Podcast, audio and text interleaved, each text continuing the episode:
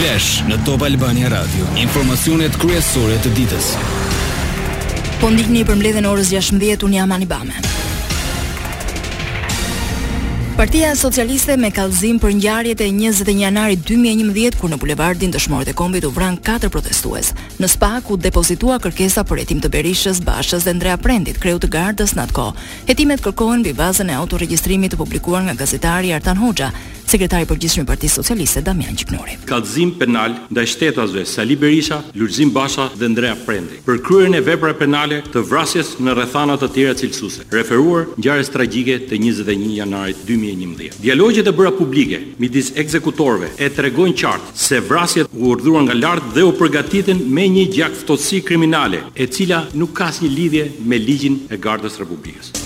Gjiknuri shtoi. Përfshirja e ministrit Lulzim Basha Në komunikimin me radio, rezulton e provuar katërcipërisht dhe ky fakt krijon dyshime të arsyeshme, bazuar se ndërhyrja e tij në lidhje të drejtpërdrejtë me efektivët e Gardës është bërë me porosi për të dhënë urdhrin e Sali Berishës, i kallëzuari tjetër si personi më i pushtetshëm i asaj kohe. SPAK do të zbulojë pse Sali Berisha dhe Lulzim Basha ishin në krye të operacionit të Gardës, Në njëzet e një janar, kur nuk e kanë për detyrë ligjore për të bërë një gjë të tillë.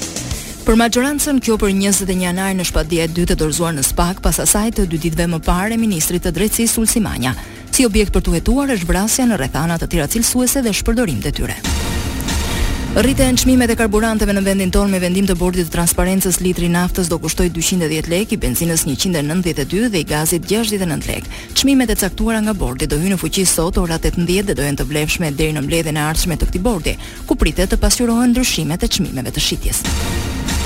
Në Durrës persona me aftësi të kufizuar dhe familjarë të tyre protestuan para bashkisë për mosshlyerjen e detyrimeve të prapambetura për periudhën dy mijë e pesë, dy mijë e dhjetë. Deri në dy mijë e pesë këto pagesa u indeksuan. Nga dy mijë e pesë deri në dy mijë e dhjetë Këto pagesa e ndalën indeksimin dhe për këtë shkak shteti na ngeli një borxh që nuk shkon më shumë se njëzet rroga, sipas të drejtës administrative. Kur do t'i marrim këto lekë? Për ç'arsye që fondet kanë ardhur edhe lekët e fëmijëve nuk ipen? Unë po e mbaj, e kam pesëdhjetë e tre vjeç dhe nuk kam kushte për ta mbajtur. Se kam dhe gjashtë fëmijë, por është baxhi i Zotit, të paktën edhe që më takojnë të na japin. Disa herë jemi drejtuar dhe asnjë lloj ndihme nuk kemi patur. Në Durrës shlyrja e detyrimeve kërkohet për rreth një mijë persona me aftësi të kufizuar. Si në të gjithë vendin, shumë prej tyre janë drejtuar gjykatave për të përfituar indeksimin e pensionit të invaliditetit, por edhe kur gjykatat u dhanë të drejtë, vetëm disa bashki i kanë shlyer këto detyrime. Lajmet në internet në adresën www.topalbaniaradio.com. Pasojat e motit të keq edhe pse ka pasur një tërheqje të ujërave ende 1320 hektar tokë janë në ujë në qarkun Shkodër. Gjithashtu raportohen 15 banesa të përmbytura në fshatin Obot. Ujësjellësi Oblika 1 vijon të jetë jashtë funksionit. Në territorin e qarkut Lezhë nuk ka pasur reshje shiu dhe situata është normalizuar me përjashtim të ish-kënetës së Torovicës ku ende raportohet për rreth 50 hektar të përmbytura. Një tjetër sipërfaqe nën ujë prej rreth 30 hektarësh është në ish-kënetën e Spiten Tresh në Zejmen.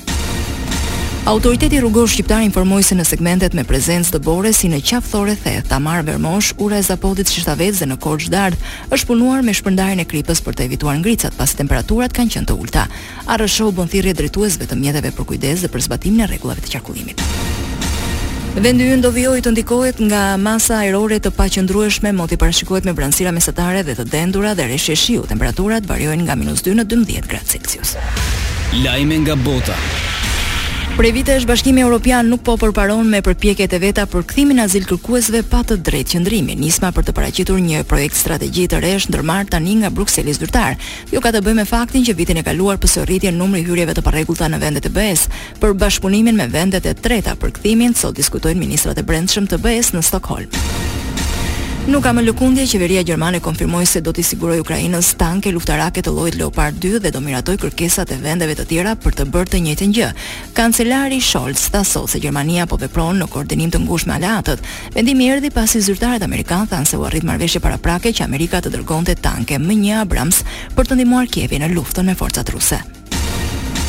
Një stuhi e fuqishme goditi bregun e gjirit amerikan duke nxitur një tornado që shkaktoi dëme në lindje të qytetit të Houstonit në shtetin e Texasit. Autoritetet amerikane raportuan për dëme në rrjetin elektrik në banesa e biznese, por pa njoftime për lëndime serioze mes popullatës. Rreth njëqind e njëzet e tre mijë familje të Teksasit mbetën pa energji elektrike, kryesisht në Houston dhe në disa pjesë përreth tij. Papa Francesku kritikoi ligjet që kriminalizojnë homoseksualitetin dhe i quajti të padrejta. Ati i Shenjtë u bëri thirrje peshkopëve katolikë që i mbështesin të mirëpresin njerëzit e komunitetit LGBT në Kishë, por për Associated Press pranoi se peshkopët katolikë në disa pjesë të botës mbështesin ligjet që kriminalizojnë homoseksualitetin ose diskriminojnë komunitetin LGBTQ+. Këtu kemi përfunduar, mirudëgjofshim në edicionin e orës shtatëmbëdhjetë. Kjo është Top Albania Radio.